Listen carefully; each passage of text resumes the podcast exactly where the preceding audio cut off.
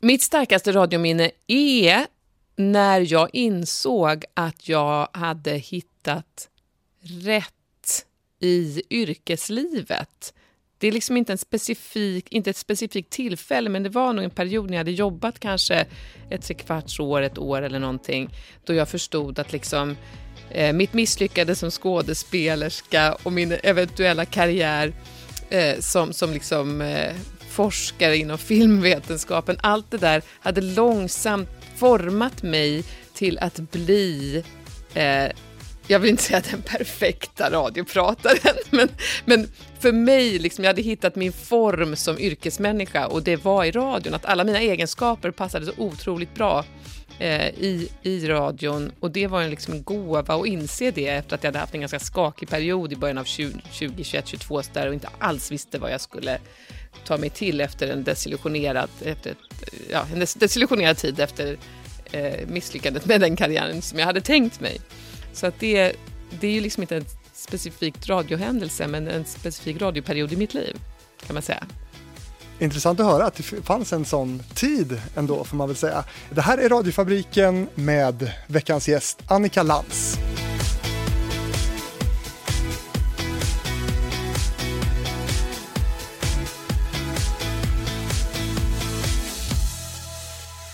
Radiofabriken nummer 14 faktiskt, som då kommer ifrån eh, våning 4 här i Radiohuset i Stockholm. Det är här du finns. Det är jag finns. Jag har faktiskt suttit i, i eh, korridor 4C otroligt länge. Många har flyttat runt och bytt våning och så vidare, inte jag. Nej. Jag har någon gång kort suttit i 4, är det A som går ditåt? Det var på den tiden man fick liksom röka på rummet. Inte för att jag någonsin gjorde det, men det hände att folk gjorde det.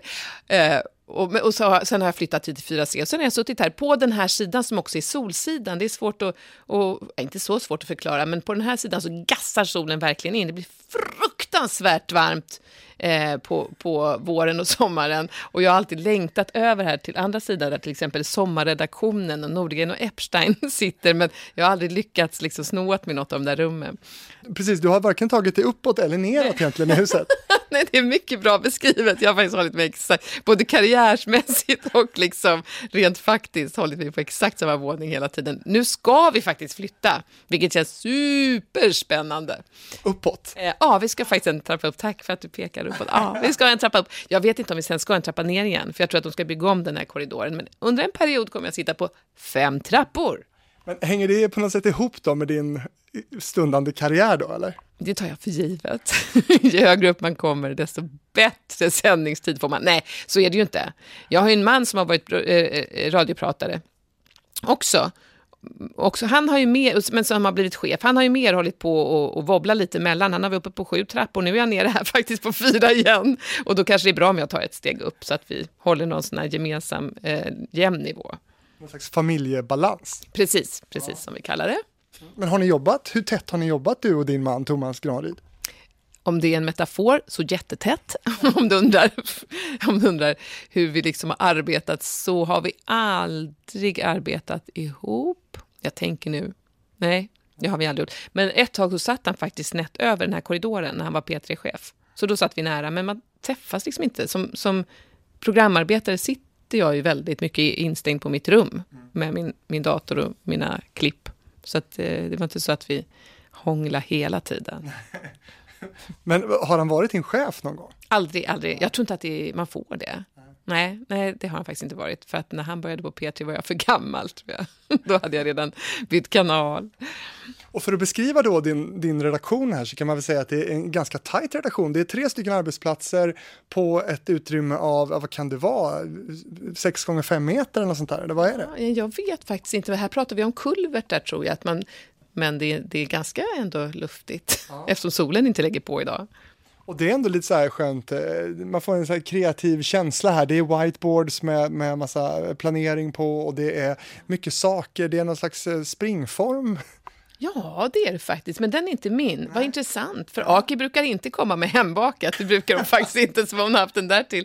Det vill jag bara fantisera om. Det kan vara eh, Annie Belius också, vår redaktionssekreterare, som hjälper oss på fredagar när vi sänder landskampen. Hon bakar ju ibland så himla, himla goda kakor. Kanske i hennes form. Men det ser faktiskt ganska stökigt ut. Aki brukar säga det, jag märker inte att det är stökigt, för att jag har alltid haft det så här, men det är klart att när jag ser det med dina ögon ser det ganska slabbigt ut här. Berätta om den, den jättestora tavla som pryder väggen här också. Det här är en Lena Kronqvist. Det är en, en, ett tillskott till redaktionen som kom med Aki. För eh, hon började jobba med mig när jag hade sänt landskampen ett tag, jag kommer inte ihåg hur länge, jag hade haft några andra producenter. Anna-Karin Ivarsson ska vi säga. Just det, Anna-Karin Ivarsson. Eh, kommer från Ekot faktiskt, det är den som har den journalistiska basen på, på redaktionen. Men hon hade den här, hon, hennes man var korre i Berlin under en period. Men alla ihop med varandra här alltså? Ja, gud, ja just det, det låter ju verkligen som det är jag i den här redaktionen, är det faktiskt så? Oh my god. Men obs, när vi började var vi inte ihop med varandra. Det är ingen nepotism, utan det här är så här, vi, vi, vi träffade ju aldrig några andra eftersom vi jobbade så mycket, så vi fick ta någon här på Sveriges Radio. Ja, men eh, tavlan hade hon, Sveriges Radio har ett eh, konstförråd faktiskt. Och den här tavlan fanns i, i det förrådet. Och jag undrar om hon hade, jag kommer inte ihåg hela historien, om hon hade sett den någon gång. Eh, men det är ingen som vill ha den för att den är väldigt naken. Det är alltså ett vad ska man säga, självporträtt, det är Lena Kronqvist själv och Göran Tunström, hennes dåvarande make, eller hennes make, förlåt, som, som sitter nakna på en äng i Bohuslän. Den är oerhört vackert, det är klippor eh, bakom dem, liksom som att de nästan sitter i en liten gryta. Och så är det en vacker äng och väldigt gula blommor. Jag älskar de här gula blommorna, jag vet inte exakt vad det är för något. Och så är det också någon tistel, tror jag, som de håller i. Och så är det lite... Eh, vad heter de nu då, de där... Eller är det? Jo, men vad heter... Nej, den här, den här eh, insekten. Ja, trollslända. Trollslända. Några trollsländor. Och eh, alltså, den nakna manspersonen här har ju stånd visar sig. Jag har aldrig fattat det. Va? Nej, men eller hur? Nej. Du tycker inte heller det? Nej. Det här har vi diskuterat ganska nyligen för att eh, och bara, jo. Jag bara, nej. Men ja, vad intressant. Jag satt här förut, vi, vi alltså nu pekar jag platsen strax under tavlan, eller vad säga, och då pekar ju mandomen rakt på den som sitter och jobbar vid en arbetsplats. Praktikantplatsen. Praktikantplatsen. Det finns de som också menar att liksom själva ögat på, på penisen följer den. Liksom. Men, men det, det håller jag inte med om. Nej. Okej, vi kommer behöva att lägga ut en bild på den här i, i Radiofabrikens sociala medier, bara så att man får se det här liksom, med egna ögon också. Då kan vi också göra en liten omröstning kring detta, eh, om det är så att man tycker att den här penisen då, om den är erigerad eller inte. Ja, just det. Det är, det är jättebra. Det här är, det här är bra radio. Det här är mitt bästa radiominne nu. Jag vill börja om. Ja. men, men jag ska också säga, du ser ju att det är en liksom, trekant som är så att säga i annan struktur lite grann. Det, det har varit... ja. ja. Det har varit lite olika historier om det här. För att det, det, den historia vi hörde när vi fick den här som också är den jag kommer att berätta, för den andra minns jag inte, det är att den hängde på SVT under 70-talet, den här tavlan. Och att någon under en blöt fest blev provocerad av den här och skar ut den här biten och kastade iväg den. Och, sen, och jag har för mig att Lena Kronqvist sa att hon, då, att hon kanske tänkte kassera tavlan, men till slut så gjorde hon en, en infällning då, där hon har kompletterat tavlan, men med lite, om, om du går närmare så ser man att det är en liten annan teknik. Den är lite yvigare och färgen är lite tjockare, den är inte lika fin, fin eller vad man säger, finmejslad som, som det andra måleriet, så att man ändå skulle se att det var en att det är ett tillägg så att säga, ja. vilket bara gör den mer intressant eh, ja. enligt oss här på redaktionen. Men nu vet vi lite ungefär hur det, hur det ser ut här på, på Annika Lands redaktion i alla fall. Jag tänkte vi skulle prata om mitt första minne av dig, för det måste ju ha varit när morgonpasset sändes och, och du var dess programledare. Var, var är vi då i, i tid här? Eh, jag började på Morgonpasset 97. Mm. Då delade jag programledarskapet ett år med Rickard Olsson. Mm. Och sen så fortsatte jag fram till 2001. Jag slutade i november när jag kände att nu orkar jag inte mer. Nej, för jag tänkte precis komma till det. Du var inget större fan av att jobba morgon. Jo, men då var jag det. Men det var otroligt slitigt. Jag hade rubbat höga ambitioner. Jag var ju den enda programledaren, nu är de ju fler. Liksom. Men då var det jag och en producent som, och jag gick upp 20 över tre varje morgon och var på jobbet strax före fyra, läste tidningar, skrev massor med prator. Vi hade någon god morgonsaga som jag och Ulf Nyström, då, då var det om han var producent eller om han var, var liksom innehållsmänniska. Ja, vi hade så mycket material till det här programmet som vi gjorde nästan uteslutande runt mig då, och hade några inslag när folk ringde in, men det var oerhört mycket som vi producerade. Eh, skrivet material liksom, så att vi blev helt utslitna. Jag jobbade, liksom, jag ska inte säga dygnet runt, men det var verkligen så. Jag var där 20 över tre och sen jobbade jag, sände jag och sen satt jag kvar och eh, eh skrev grejer. Gick hem och sov, vaknade, fortsatte skriva tills jag liksom crashade framför soffan, tittade på några vänneravsnitt och sen försökte jag gå och lägga mig klockan nio. Och det där bara pågick i fyra år. Jag var ju ung, jag hade ju inga barn, liksom. jag hade ju, så att det gick ju att hålla på så. Men jag blev ju lite rubbad tror jag som har hängt med sen efter det. Men det var också väldigt häftigt, för morgon, att sända morgon är ju väldigt... Um, det, är en, det är en relation som blir ganska nära med morgonlyssnaren för att du är så sårbar på morgonen och om man väljer den man väljer att lyssna på på radio på morgonen får man en ganska tajt relation till. Det är trots allt morgonpasset som jag oftast fortfarande får kommentarer om. Så här, nu, nu är det kanske ofta så här, min mamma lyssnade på dig när du sänder morgonpasset. Men, men det, det hänger kvar, den, den man växte upp, den radiomorgonmänniska man växte upp med kommer man liksom ihåg. Mm.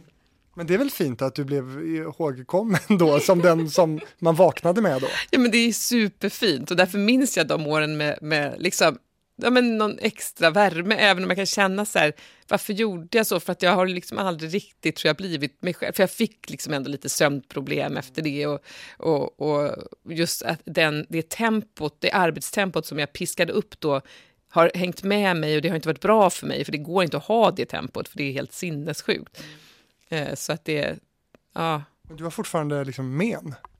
Jag, alltså det är svårt att veta vad som är vad när man är så gammal som jag. För sen fick jag barn och de hade också de hade ont i magen så då, kunde jag, då, då sov jag inte av den anledningen och så vidare. Men jag vet att jag har skyllt på de, de här barnaåren när det kommit till mina sömnstörningar. Men, men så har jag kommit fram till, men gud jag var ju helt rubbad redan då. Det går inte att sova nio utan jag låg och vred mig och, och sen så visste man att man skulle upp. Och, och så var jag också fylld av någon sån här, det var ju inte liksom bara negativt utan jag var också så här, gud vad roligt det ska bli att gå upp imorgon och se vad som har hänt så att jag kan skriva roliga saker om det. Jag hade den, liksom, det var verkligen den lite bubblande känslan hela tiden så jag tror att jag var konstant speedad, i alla fall i tre av de där åren. Och sen började jag väl känna att det här, varje november liksom gick jag lite sönder och mer och mer, och mer varje november. Så jag sa liksom sista året att jag sänder till november, så jag tror jag slutade sista oktober eller något sånt där. Mm. Vilket är kanske en liten konstig stund att sluta, men jag bara inte en november till, det orkar jag inte.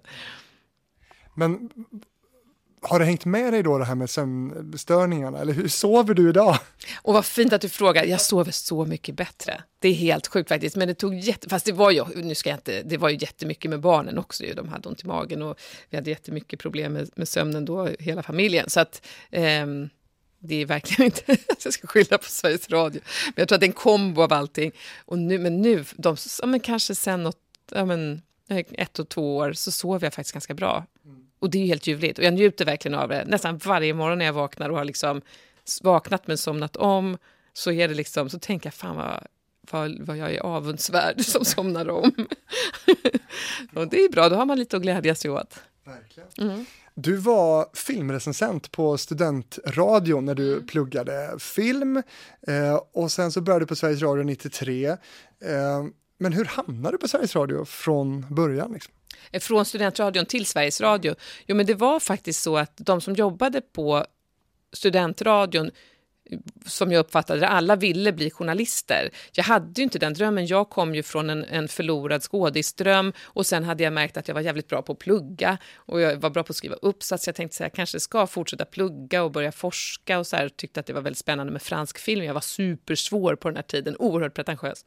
Eh, och så frågade min kompis Camilla Kvartoft då om jag ville komma till studentradion och alla där eftersom de hade journalistambitioner sökte ju sommarjobb på lokalradion. Och jag hade ett ganska schysst jobb på Konsum när jag jobbade så här varannan vecka på kvällar och helger. Och så här. Det, var, det, det liksom klarade man sig runt på precis. Jag bodde inneboende och så här, hade inga jätteutgifter. Eh, men så tänkte jag ändå att men jag kanske också ska göra det. Alla, alla höll ändå på med sina band och klippa ihop och så där, så då gjorde jag det också.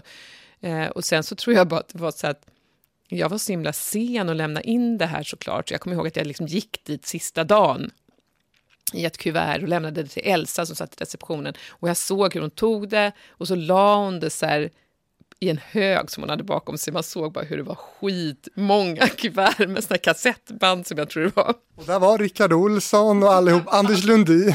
det var alla. Men jag hamnade ju så högt upp. Det, det, är min enda förklaring till att jag fick det här jobbet. Att jag låg så högt upp, de kan ju omöjligt orka lyssna igenom alla dessa band. Jag hamnade högst upp, eller högt upp i alla fall, och sen så eh, fick jag komma på intervju och då så sa Pia Kittel då som var chef där då, redaktionschef tror jag hon var, att jag, var, jag, var, jag verkade så nervös, hon förstod att jag var sjukligt ambitiös, vilket var helt sant. Hon gjorde helt korrekt analys, så då fick jag börja jobba. ja. ja.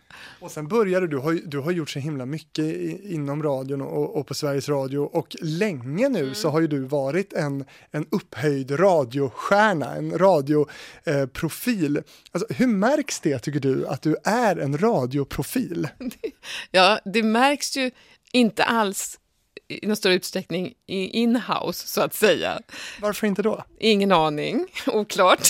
Men jag tror att det är ganska viktigt på Sveriges Radio att ingen ska känna sig bättre eller sämre än någon annan. Att det liksom finns någon, någon outtalad regel för det. Och det kan jag på sätt och vis tycka är ganska fint och samtidigt som jag brottas med min extrema egocentricitet. Jag bara känner så här, se mig, se mig, jag vill ha en blomma när jag har premiär på mitt program.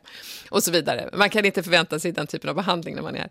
Men, men däremot så tror ju folk utanför huset att jag är någon typ av radiostjärna, vilket, vilket ju är en helt annan sak än att vara till exempel tv-stjärna. Det är ju inte liksom det där att bli igenkänd, och, ibland på rösten, men, men liksom det är ju ganska det är ganska lugnt att vara radiostjärna. Men det, det är fint så tillvida att jag får ungefär så mycket liksom, eh, uppmärksamhet som jag känner att jag orkar med. Folk kommer fram ibland eh, och då är det ju ofta för att de har en, en riktig liksom en relation med mig.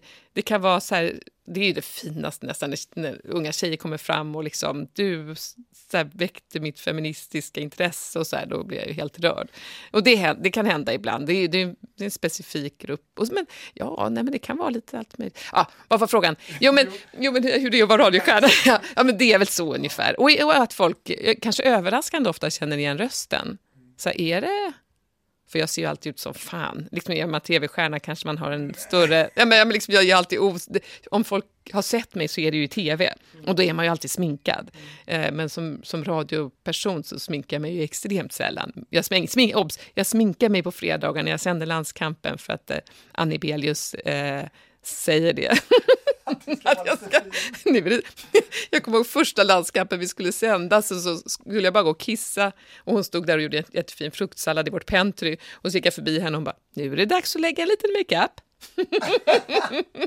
Då gjorde jag det och sen har jag gjort det. Hon la den inte på dig? Nej, hon gjorde inte det. Hon gjorde det. Hon, hon, hon, men jag tycker om det, för att det blir också en liten så här, känsla av att nej, men nu kör vi. Att det ändå rycks upp ur den här produ produktionshysterin liksom, och så bara nu ställer jag mig och sminkar mig och sen så sänder vi. Ja. Är inte det där lite radiopsykologi också? Jag hade en eh, chef som heter Ann Björkbom när jag sände nätterna här i huset och då var hon väldigt så här noga med att man gärna fick så här klä upp sig lite och känna sig lite mm.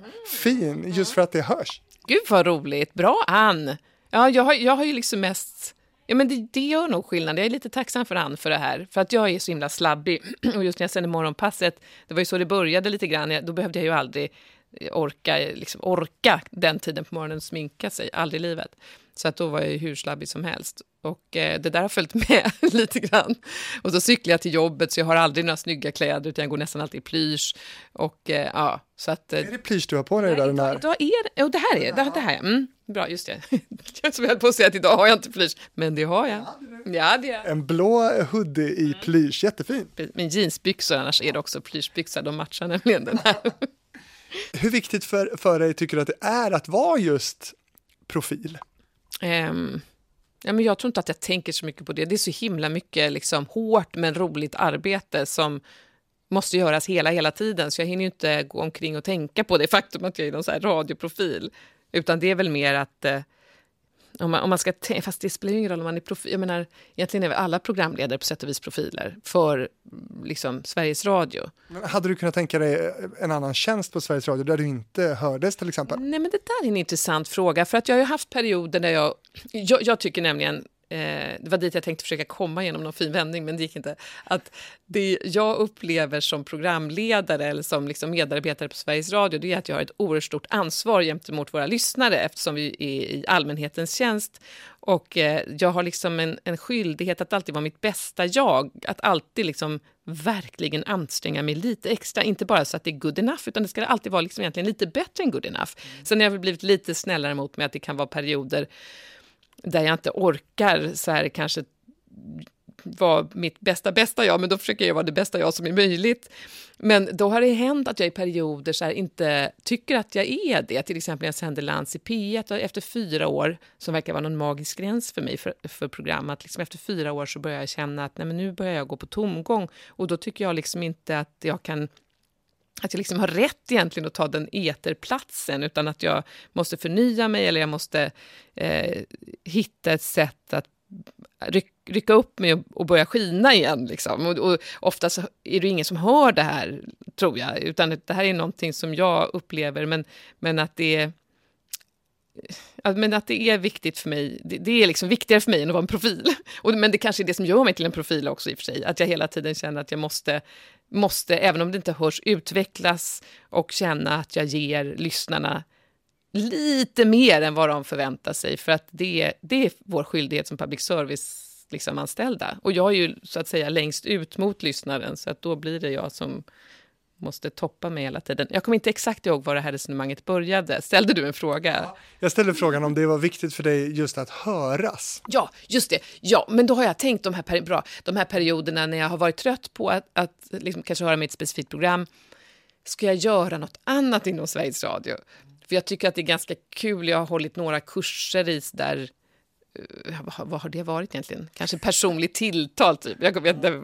Och, någon gång har jag hållit kurs för chefer, för jag hade två kurser för medarbetare och bara kände att allt jag sa vill jag egentligen säga till cheferna. Och då frågade jag, kan jag inte få en kurs för cheferna? Och då hade jag, det var jätteroligt. Vad lärde du dem? Jo, men det var, så, ja, men det var faktiskt lite så här, hur man hanterar en profil. Jag tror faktiskt att det var lite det. Ja, men, eh, men det var ju lokalradiochefer och de verkade faktiskt liksom eventuellt lite bättre på det än Förlåt, jag vet ju inte, jag har ju bara en, en eller två chefer, alltså, och har haft en i taget, så det finns ju massa chefer som kanske är superbra på det. Men jag upplevde att de, i, de var lite mer eh, de var lite mer nära sin uppgift att ta hand om profiler än vad, vad man kanske är i Radiohuset, där det är så mycket annat som hela tiden ska ordnas med. Du får ha kurs för dina chefer helt enkelt. det var en av mina gamla chefer med, det var väldigt roligt. För jag hade Just det, för han var med i min liksom föreläsning som ett dåligt exempel på en grej. Och så, så såg jag att han satt där och jag var okej, okay, nu ska jag prata om dig. Men jag vet att han är, han är en ganska mogen person och en mogen ledare, så jag tänkte han kan ta det här och det kunde han ju. Då blev det liksom ganska, ganska spännande samtal då också. Som, eh, vi kunde prata om det öppet. det, det, var roligt. Men för att slutföra det hela, så, så slutar det alltid med att jag känner så här, att jag fortfarande är lite för egocentrisk, alltså att jag fortfarande eller narcissistisk, jag behöver fortfarande programlederikicken liksom. Fast det, det är inte, inte på samma krampaktiga sätt som förut, utan, men mer så att ja, men det, det, jag måste fortfarande erkänna att det är viktigt för mig Eh, och, tills och, och då, då, tror jag att jag kanske skulle bli en vidrig arbetare på någon annan position om jag ändå egentligen känner att jag vill höras. Förstår du? Det där måste man ändå vara noga med och ställa sig den frågan och svara den ärligt. Så att man inte blir en sån jobbig chef som bara vill höras. Men du har gjort många program på många olika tider av dagen också, som vi nämnde då Morgonpasset då i P3, men också Lans i P3, senare blev det Lans i P1 och Lans i P4. Du, när kommer Lans i P2? Ja, det är väl märkligt att, äh, att det inte blev så. Jag, jag, jag var faktiskt med på en eh, pilot när Thomas Nordegren gjorde den här, vad hette den till slut, Duschsångarna? Eller någonting. Det var liksom, gud vad var det nu? Det var att man skulle tror jag, lyssna på någon som sjöng, den här ganska klassiska grejen att man, den, den som sjunger hör sången i lurarna, en opera, en aria eller någon, en, ett stycke. Och så skulle man sjunga det, så skulle de som tävlade gissa vad det var. Och så var det väl följdfrågor på det.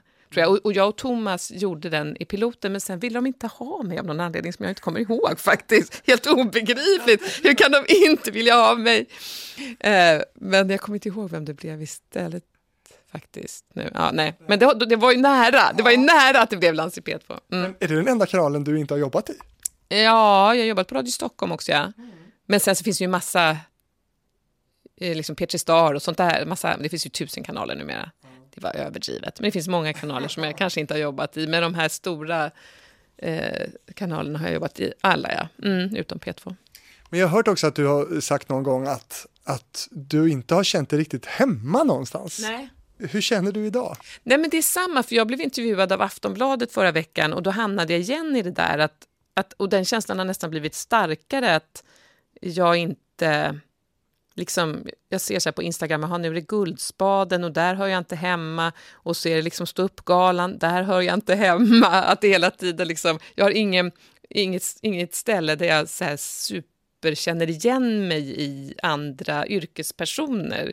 Radiogalan fanns ju. Ja, radiogalan, fann, ja, men radiogalan fanns, där kände jag mig väl ganska hemma, det är sant. Ändå radio, lite så här allmänt hållet.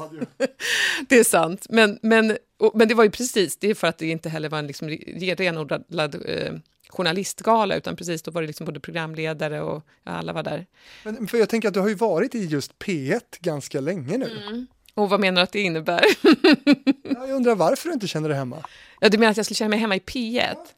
Ja, men det är nog en kombination av att jag eh, kom från P3, där jag liksom ändå kände mig hem. Liksom det var min ID så himla länge, att jag identifierade mig som en P3-medarbetare. Och när jag började på P1 så gjorde jag ju det för att föryngra lite, för att föryngra kanalen lite. Eller, eller snarare så för att kanalen skulle föryngras lite. Och locka fler kvinnor va?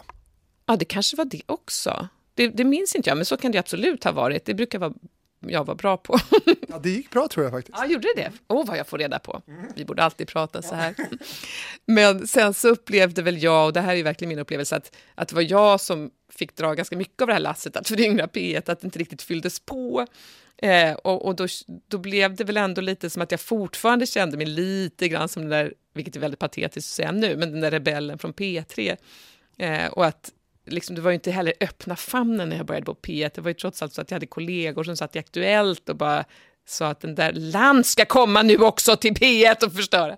Så att det var ju inte så, att jag kände mig supervälkommen och det där tror jag, även om nu är det ju inte så, men, men att det där hängde väl i att jag för att skydda mig lite gjorde min egen grupp, liksom, jag hade en tajt redaktion, Ulf och Fredrik, och, uh, Fredrik Olsson, Ulf Nyström och Anders Backlund, liksom att, ja, men det blev väl att vi höll oss, eller att jag i alla fall identifierade mig mycket med den gruppen, mycket mer än kanalen på något sätt.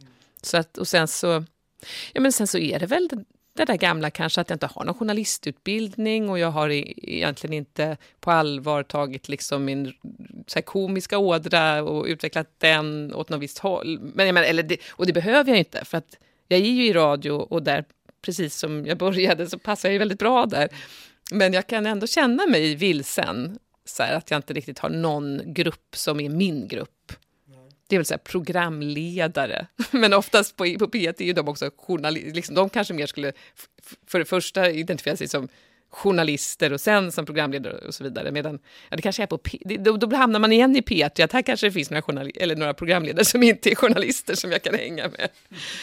Även om jag har... Är det där en stor grej för dig, att du inte har någon journalistutbildning? Nej, det är det egentligen inte. Men, jag, men det är ändå så att jag känner att jag kan inte riktigt även om jag väl är journalist numera, liksom jag har jobbat så himla länge, så är det väl inte så att jag känner att ja, men, jag, blir, jag är inte den som man bjuder in till stora eh, journalistpriset om det inte är så att jag ska uppträda.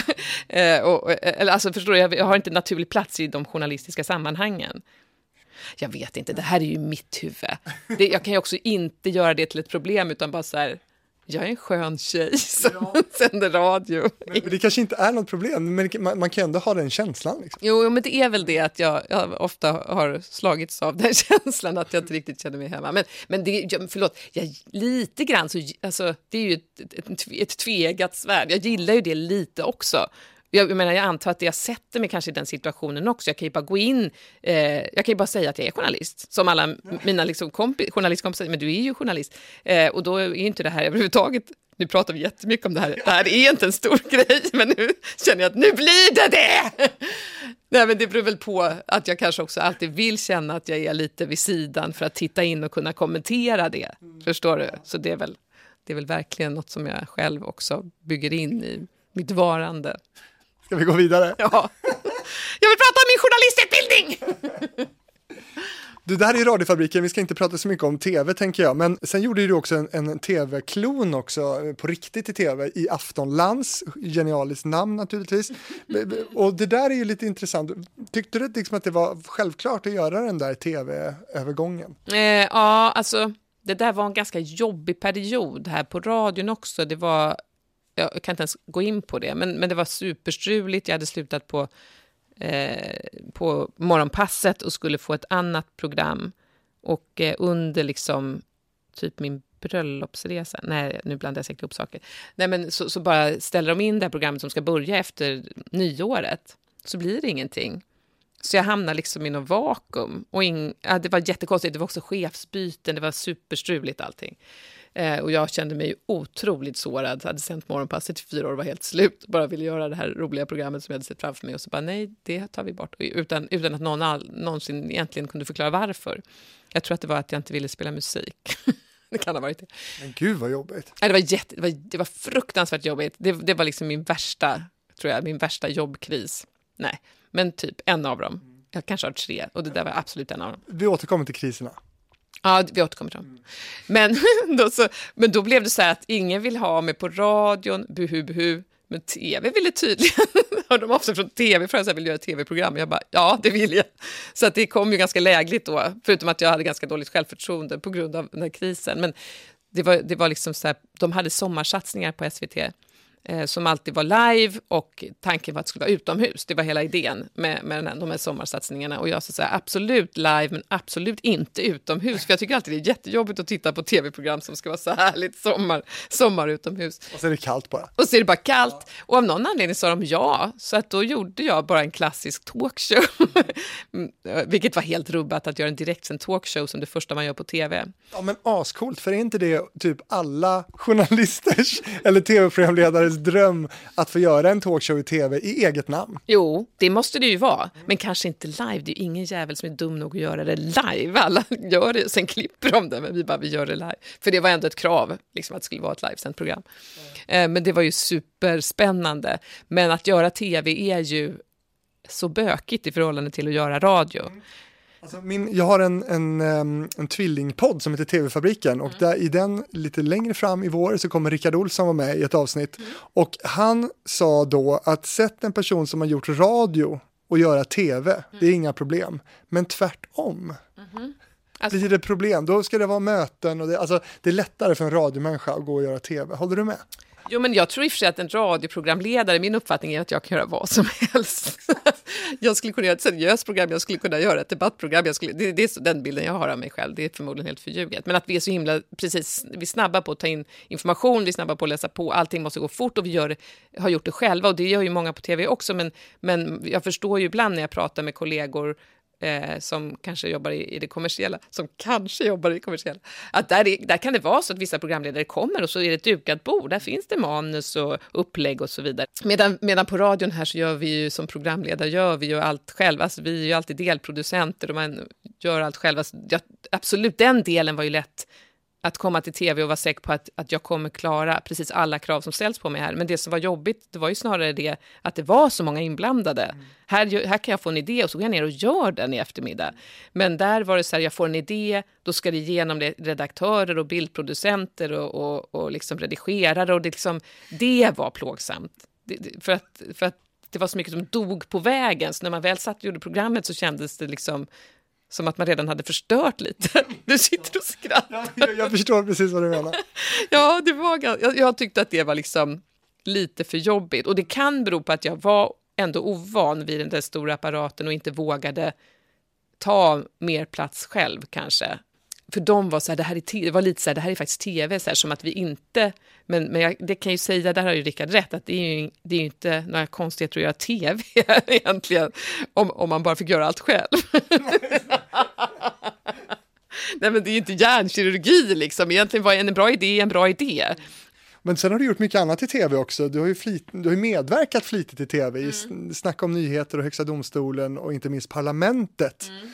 Stämmer det att du hoppade av parlamentet 2009 för att du var trött på att vara ett kvinnligt alibi? Alltså jag, jag har väldigt dåligt minne. Jag skrev en krönika i tidningen Bang, jag tror att det var 2008, där jag, där jag skrev om det här, att jag liksom kände att, men gud, jag är, jag är ju inte en av grabbarna, jag bara tror att jag är en av grabbarna. Och varför ska jag behöva vara en av grabbarna? Varför kan jag inte bara få vara som jag är och säga att jag vill inte dra de här svärmorsskämten för att de, jag känner inte igen mig i dem, det är, ja, ja, och så vidare. Eh, men jag, jag kommer inte ihåg om jag hoppade av eller om det bara blev en naturlig icke-inbjudande i halva. Eller om det inte ens gick, för att det var ju, parlamentet har ju också haft några uppehåll. Mm. Jag, vet, jag, jag kommer faktiskt inte ihåg om jag tog en paus. För, för du har varit tillbaka senare år? Jo, men jag har varit med, alltså min upplevelse är att jag varit med hela tiden. Men, men, men däremot har parlamentet tagit ett, ett, en paus. Ja, nej, jag, jag, vet, jag vet faktiskt inte, det kan hända att det var så att jag, att jag inte var med på ett tag. Och, och sen har jag varit med, jag brukar vara med en gång per säsong. Ja. Mm. Hur är det liksom, har, hur villig har SR då varit att, att liksom låna ut dig till sådana där utflykter i, i, till andra mediehus och så? Eh, jo men det har lite, alltså jag frågar, jag är ju super, jag är världens, jag är världens bästa medarbetare, jag frågar om allting som jag gör utanför liksom varenda liten grej för att det inte ska bli några missuppfattningar. Men jag tror faktiskt att jag glömde, för att det här, jag har gjort det så länge. Men jag vet att min chef var så här, eh, hörde du efter med mig om parlamentet senast? Och då vet inte jag om jag gjorde, för jag, liksom till slut har det blivit en grej som jag upplever att jag får göra, för det finns väl ingen anledning till att jag plötsligt inte skulle få göra det. Men jag förstår att jag ändå ska fråga, jag ska fråga Daniel. Eh, jag kan göra det på en gång, är det okej okay om jag är med en gång i höst? Eh, du kan mejla. Eh, eh, men, men annars kan det ju vara saker som jag inte får göra. Det har ju varit... Är du tagen i örat där eller? Nej, jag tror mest att det var en markering att man vill veta, vilket jag förstår. Mm. Jag frågar ju alltid och vissa saker får jag inte göra och vissa saker säger de okej okay till. Vad får du inte göra? Jag kan inte jobba för kommersiella bolag eller i sammanhang där jag måste göra reklam för någonting. Liksom att jag verkligen måste stå och säga det här evenemanget är sponsrat av. Men vad, vad har du fått nej på om man säger så då? Gud, men gud, nu kommer jag inte ihåg. Det är så mycket. Fast alltså, alltså jag, det, det, är inte så mycket, men jag menar att det, det, är, jag tycker egentligen att jag har aldrig tänkt att det här var konstigt. Utan det mesta förstår jag verkligen. Och vet egentligen, men jag brukar fråga ibland ändå. För man vet aldrig, plötsligt kanske man får göra något. Nej, men det finns, jag vill ju inte heller göra saker som jag inte kan försvara ur ett public service-perspektiv. Så det blir ju ganska, en ganska smal, ett ganska smalt utbud för mig vid sidan av, av radion. Men, men det är ju någonting som jag har valt att skriva under på i och med att jag är anställd. Kan du sitta i ett kommersiellt tv-program som Parlamentet då, i, mellan blöjreklam och, och McDonalds och så, det är inga problem? Nej. Därför, nej men jag, jag, alltså, så här, jag tänker att det, dels är det ju inte bara jag. Det är, ju, det är liksom en hel panel. Och det är, men jag menar, det är klart att om man verkligen skulle granska det i, i, i sömmarna, så kan, men då kan vi inte göra någonting. Då kan inte vi heller ses någonstans, för att det finns ju också en idé att vi som public service-medarbetare syns i andra sammanhang så att vi kan locka folk till oss och, eh, och säga vi finns här och vi, vi gör det här och så vidare. Så att på så sätt tycker jag att, att det är bra att det finns liksom en givmildhet kring vissa uppdrag. Att det är bra att vi syns, att vi har ett ansvar också att synas som public service, för annars, det är den här, som det ser ut idag, hur ska folk hitta? Precis, och hur ska man då hitta Landskampen? Finns i P1 på fredagskvällarna. Sen 2013 gör du det programmet, ett, ett quizprogram kan man säga. Hur går det tycker du? På det här, den här fyraårscykeln ja, har börjat träda i kraft. Jag vet, jag har tänkt på det många gånger. Och nu gör jag faktiskt ett nytt program lite av den anledningen att jag kände så här, nu blir jag snart galen om jag sitter där och klipper en till ljudill från Veckans Nyheter. Nej, men jag tycker att det är väldigt roligt fortfarande att sända Landskampen, men det är en otroligt påfrestande produktionsprocess där vi måste lyssna på sinnessjukt mycket nyheter, klippa otroligt mycket.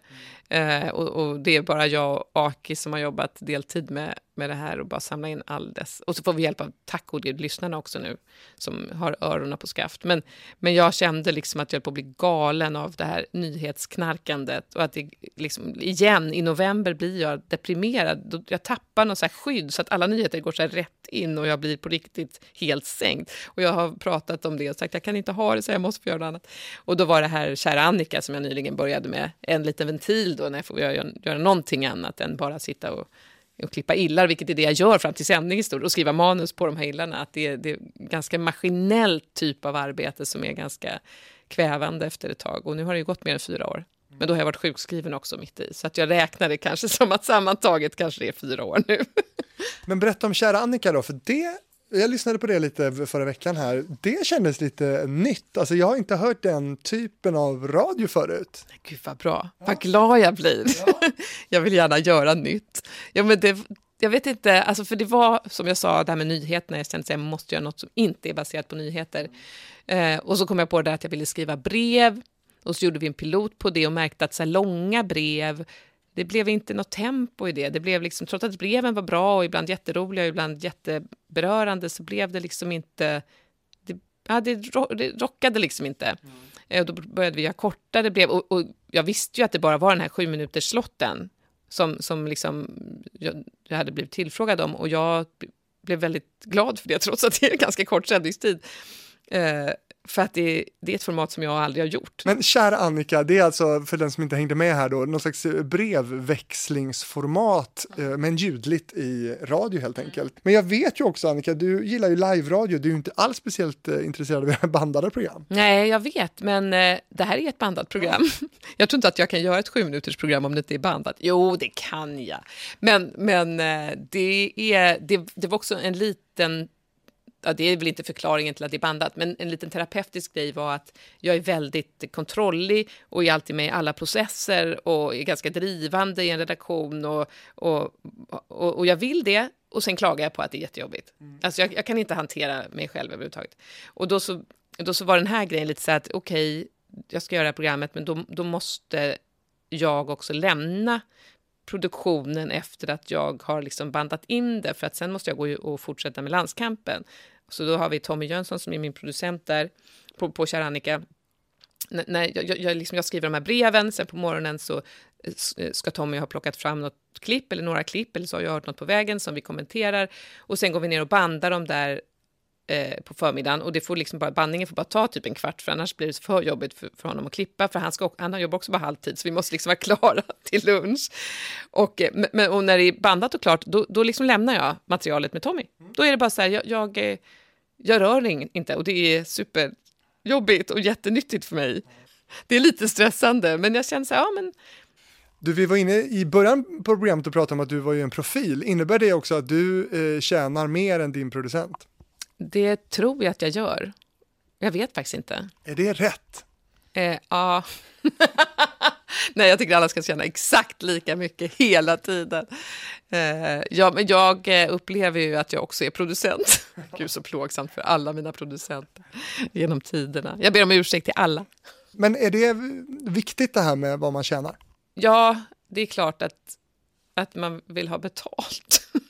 Men viktigt, om det hade varit viktigt att tjäna mycket pengar, då skulle jag ju inte kanske jobbat jättelänge på public service, utan, utan eh, jobbat någonstans där jag hade blivit eh, erbjuden mer pengar. Men, men eh, det är det inte.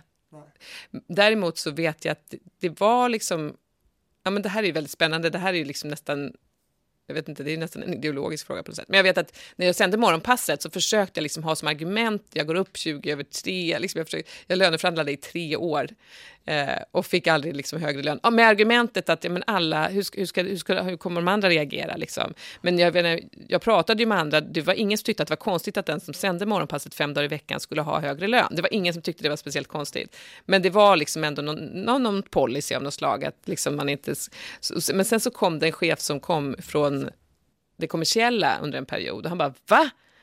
Du är ju stjärna, du sänder ju morgonpasset. Och så bara höjde han mitt lön på, brä, på ett bräde. Och, och, och sen dess har jag knappt löneförhandlat, liksom, för att eh, den har räknats upp. Och, och, liksom, men utan honom vet jag inte var jag skulle ligga lönemässigt faktiskt. Idag har du en årslön på ungefär 620 000 någonting. Men är, det, är du bra på att löneförhandla själv då, när du väl gör det, när du sitter där? Liksom? Nej, jag tycker min bästa var min senaste, men, men faktiskt ganska många år har det varit så att jag är helt nöjd med min lön, så att jag, då är det supersvårt att argumentera. Jag tycker liksom att, men, men nu hade det ändå hänt lite grejer så jag tyckte att jag hade några argument och då tyckte jag att jag förde fram dem på ett bra sätt. Mm. Men, men jag, historiskt har jag varit svindålig. För att efter, på riktigt så löneförhandlade jag i tre år. Eh, och det var under mina morgonpassår. Och sen bara bestämde jag mig för att jag skiter i att löneförhandla. Jag orkar faktiskt inte lägga tid på det, för det var liksom så hopplöst. Så att jag bara, nej. Så att eh, det är inte min starka sida. Men jag tror det, det kanske blir bättre med åren jag, jag gör ju ingen karriär. Jag gör ju liksom på sätt och vis samma jobb hela tiden medan mina kompisar blir chefer eller går över till tv eller liksom gör olika karriärsmoves eh, som gör att de successivt hela tiden petar upp sitt lön några snäpp. Men jag kommer ju inte göra det för att jag fortfarande, som jag, vi pratade om innan, tycker om att vara programledare och inte intresserad av att bli chef eller liksom ha en annan uppgift på radion. Och då är det, då, då, då, jag är ju fast lite i den löne jag är fast i den lönebild jag har. Vad vackert, nu blev det som en målning. Men vem, vem jämför du dig med då? Jag bara litar på det min chef säger. Att jag har en bra lön. Gud, jag är en idiot! Man hör så, så körd hon är. Men du, vilket roligt liv du har haft på Sveriges Radio tänker jag och kommer fortsätta ha. Det låter som att det var slut. Nej, men alltså du, du, du har kommit in som en, en, en stormvind, gjort lokalradio, riksradio och är ju då en, en stor profil. Du har hittat kärleken här. Ja, det är ändå det bästa. I bankomatkön va? Nej, det, det var ingen kö. Det var sent på kvällen, men ja, det hånglades mot bankomaten som nu är borta faktiskt. Ja. ja vårt första kärleksnäste har de tagit bort. Men det var inte på den tiden det fanns, det fanns en bank här också i huset. Jo, det fanns det när jag började. Jag, jag, jag, det var min bank. Säg inte vilken, men det var den som fanns här. Det var superpraktiskt. Men, men livet på jobbet är, är, ju liksom inte alltid lätt. Du har ju varit eh, borta i flera omgångar och varit eh, sjukskriven. Du pratade om en, flera olika kriser här tidigare. Um, det där är ju inte helt lätt och jag tror att det är kanske också många som lyssnar på det här som, som känner igen sig i att, att jobba med, med radio och att vara i din situation innebär ju en hel del eh, press. Eh, och du har till och med känt dig liksom mobbad på jobbet. Ja, men det, det blev ju... Alltså det där är jag har fortfarande inte lyssnat igenom det här programmet igen. Det var ju något som Aftonbladet tog från Värvet. Jag tror aldrig jag använde ordet mobbad. Jag kanske gjorde det, men då var det eh, så liksom, ja, det kändes typ att jag var, det var jag ju inte, men vi hade en superkris, jag och mina då två närmaste chefer.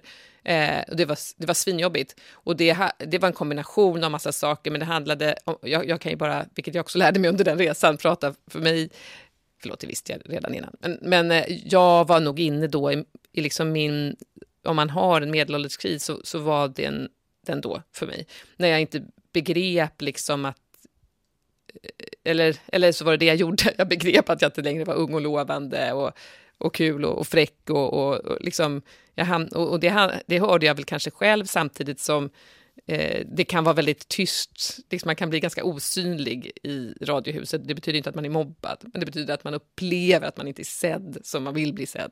Och så var det för mig under den här perioden. Men då, då eh, lyckades vi liksom få till så trepartssamtal som var helt fantastiska. Jag rekommenderar alla som har bråk med chefer eller medarbetare att ha ett sånt här samtal när man då har en, en, en person som kommer utifrån, eller ja, hon jobbade här, eh, Kerstin Oskarsson, men, men hon var liksom inte med i vår vårt menage à trois. Och så får man liksom, fick vi rita upp så hur vi hade upplevt den här perioden det handlade om. Och, och då kunde man liksom se hur, man går, hur, hur vi människor verkligen går bredvid varandra. Vi tror att vi är helt involverade, men egentligen går man bara bredvid varandra och har ångest för saker. Eh, och, och, är helt självupptagen och bara ser sig själv och inte begriper att... Ja, jag, jag insåg ju så här, gud, de har ju så mycket mer att göra än att bara ta hand om mig och bla bla bla. Eh, och det var ändå nyttigt. Eh, Usch, det låter som att jag inte hade fattat innan, det hade jag väl, men det var, det var en jättejobbig period. Och sen, sen blev jag skickad till coach och då sa hon någonting som, som jag tror att jag upprepat ganska många gånger, men eh, det var att hon sa att om man jobbar väldigt länge på en och samma arbetsplats, oavsett arbetsplats, liksom, så kommer det komma perioder då din specifika kunskap och dina specifika egenskaper inte är lika attraktiva. Men sen kommer de bli det igen och de här liksom, pulserna går lite upp och ner. Och av någon anledning så gjorde det mig så himla lugn för att det, det, det, det kändes som en rimlig förklaring till varför saker hade utvecklats som de gjorde. Eh, och sen så har jag kunnat liksom igenom egentligen, det var helt sjukt, det var nästan det första hon sa, jag skulle träffa henne några gånger, men det var det första hon sa, efter det kände jag så här, aha, och efter det har jag överhuvudtaget haft mycket lättare att hantera att jag jobbar på Sveriges Radio. För att det var något som, som förklarade saker för mig och gjorde mig lite mindre så här, självcentrerad. Liksom. Se mig igen mer som en kugge i det här stora, stora maskineriet. Även om jag vill kräva blommor varje gång jag startar ett nytt program så, så förstår jag att det är inte så det funkar här och då får jag acceptera det. Och... Mm. Nu låter det lite lättare här, men det har väl ändå varit ganska så här allvarliga saker för, för dig ändå. Du har ju varit eh, utbränd och eh, blivit utforslad ur Radiohuset i rullstol eh, på grund av överansträngning och, och sådär. Hur, hur, tycker du liksom att Sveriges Radio har tagit hand om dig? Eh, jo, men alltså... Eh, ja, det här är ju svårt, det här är känsliga saker. Jag kan uppleva att Sveriges Radio är ganska dåligt på, det är liksom, det är inget, inget specifikt liksom, person eller delar av organisationen, men att ta hand om hur vi belastar oss själva med arbete. Man måste kunna säga till folk, gå hem. Man måste kunna göra det, även om personen i fråga eh, sitter och säger liksom, nej, nej, jag måste bara göra klart, jag måste bara göra klart. Liksom, och det har nästan aldrig hänt mig, fast jag har liksom legat på den här soffan och liksom inte kunnat nästan orkat resa på mig så är det någon som har sagt gå hem. Det, liksom, det, och det, och det, jag, jag förstår att det är också vad jag sänder ut, att jag hela, nej men jag ska bara göra klart det, nej men jag, jag, klar, jag orkar med sändningen, liksom, jag, jag, jag, vet ju precis vad jag har sagt, liksom, och då är det supersvårt att, eh, och, och, och människor omkring en har, hela, har följt en alla de små stegen när det till slut blir för mycket, det är ju supersvårt att sätta stopp. Men det borde finnas liksom ett samtal om det här så att en producent kan gå in till sin chef och säga så här, jag tror att min programledare, eller även en programledare kan säga om sin producent, jag tror att min producent behöver det här och det här. Att överhuvudtaget att det ska finnas en närmare kommunikation med sin närmaste chef eller liksom med sina närmaste med att våga, ja det är svårt att förklara, men jag försöker vara superduktig på det nu. För nu har jag, liksom, jag och Anna-Karin är också så här jättehögpresterande båda två och vill hela tiden liksom göra det bästa. Och, och det är ju jättebra förstås, men det är helt osunt. Man måste kunna så här, gå hem nu, eh, nu slutar vi med det här. Och, och vi har ju också varit hos coach lite för liksom, jag kände att vi måste ha hjälp med att organisera jobbet, för annars vi, vi, vi kan bara hålla på mycket som helst och vi bara producerar för mycket och har alltid två sidor för mycket manus. Det är ju helt onödigt. Hur kan vi göra för att inte ha det? Alltså, förstår att jag har fortfarande svårt att, att, att göra rätt på de här, med de här grejerna. Men det här med coachningen, det, det är lite så här, låter lite nytt för mig. Vadå, co får ni coachning? Jag vill ja.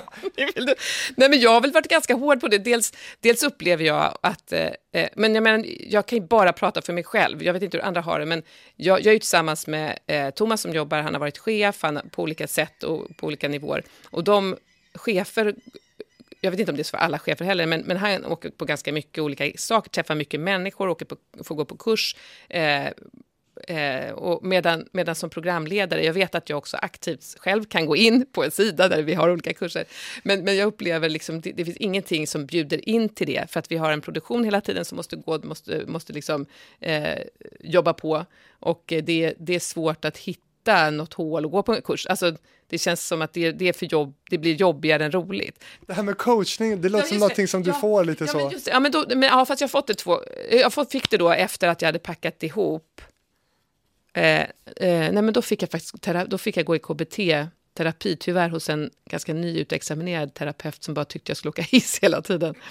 åka hiss? nej, men han, han fick för sig att det var mitt huvudproblem. Ja. Men åker du hiss idag? Ja, absolut. Ja, ja det gör jag, tack. Tack ska du ha. Jag, jag, fick, jag vet faktiskt inte, jag, jag, tror att jag bad om det, liksom uttryckligen, att jag måste få prata med någon för jag är så jävla förvirrad, liksom, var jag befinner mig och vad jag håller på med. Och då fick jag det.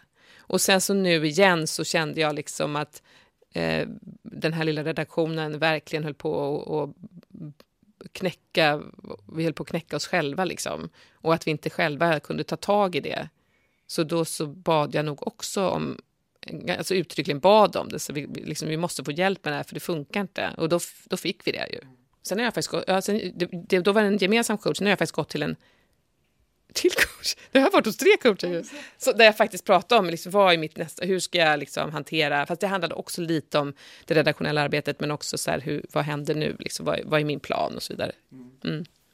Sist med det senaste, Mm. i P4. Ja, det. Det, det. var väl då som du också brakade ja, ihop? Jo, men det var då det blev den här liksom, konflikten som, liksom, men som bara var jättejobbig situation för alla. Det var bara en konstig situation och eh, dåligt ledarskap och dåligt programledarskap, eller hur man ska säga. Det var liksom att vi inte kunde, vi möttes inte vilka behov som fanns och vad som, vilka resurser som fanns. Och lite konstiga uttalanden som jag också hört dig säga då, att, att den här chefen i fråga hade liksom eh, berättat för dig att det fanns folk som inte gillade dig och sådana här saker. Och det har ju du berättat tidigare, men alltså eh, hur landar det hos Annika Lantz?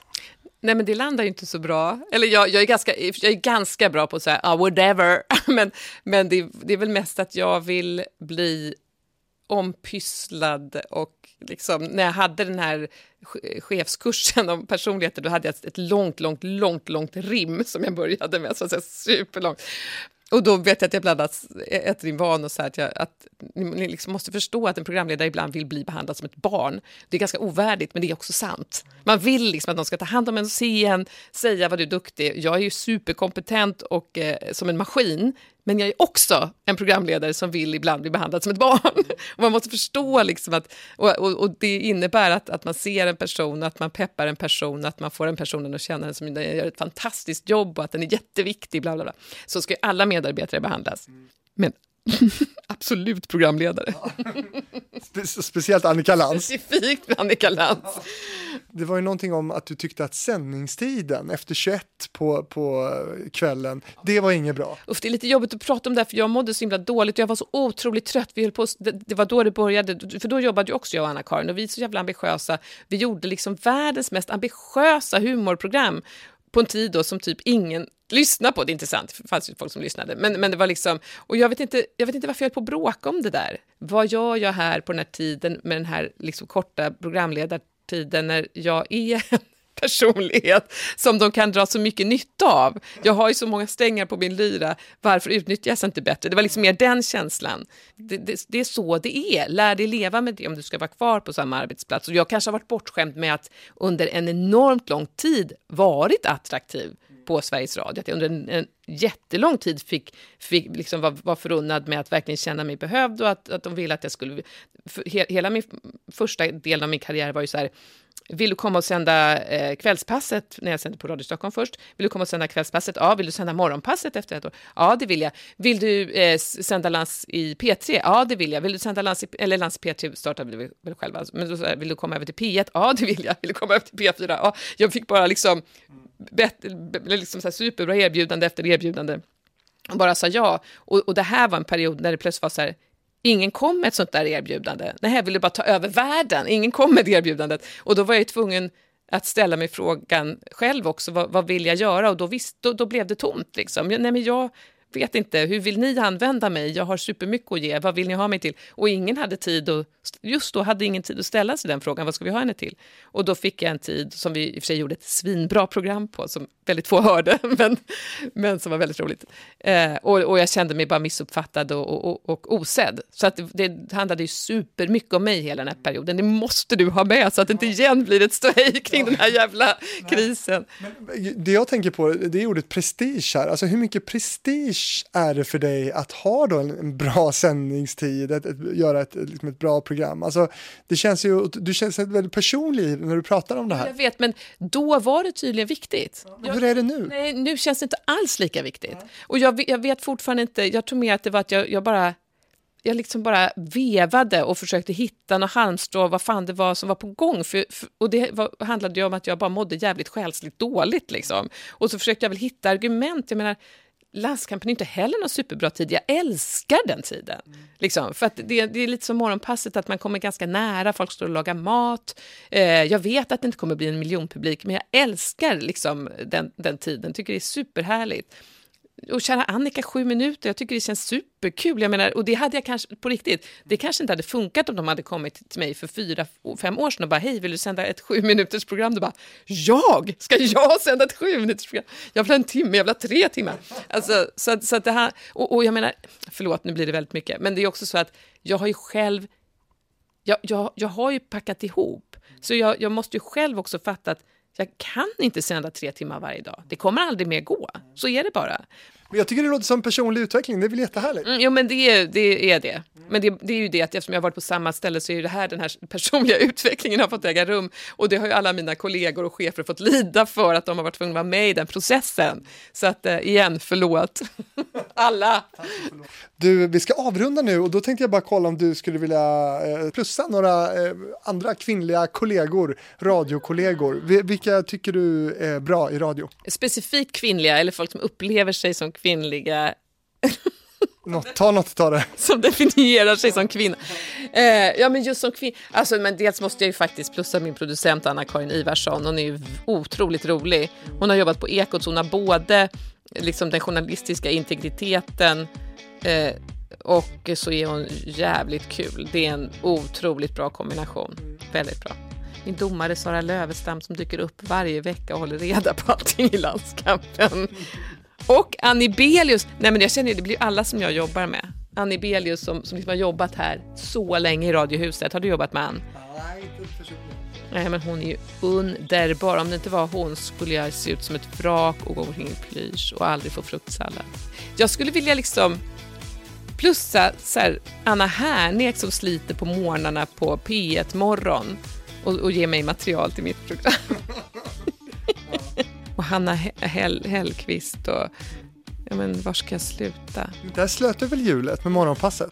Just det, Martina Thun. Vilken, vilken arbetsseger. Hon har sänt Morgonpasset jävligt mycket längre än jag. Det ska jag säga. Om du vill höra av dig med frågor eller tips om gäster i radiofabriken då kan du bara skicka ett e-post till mig på fabrikspost@gmail.com.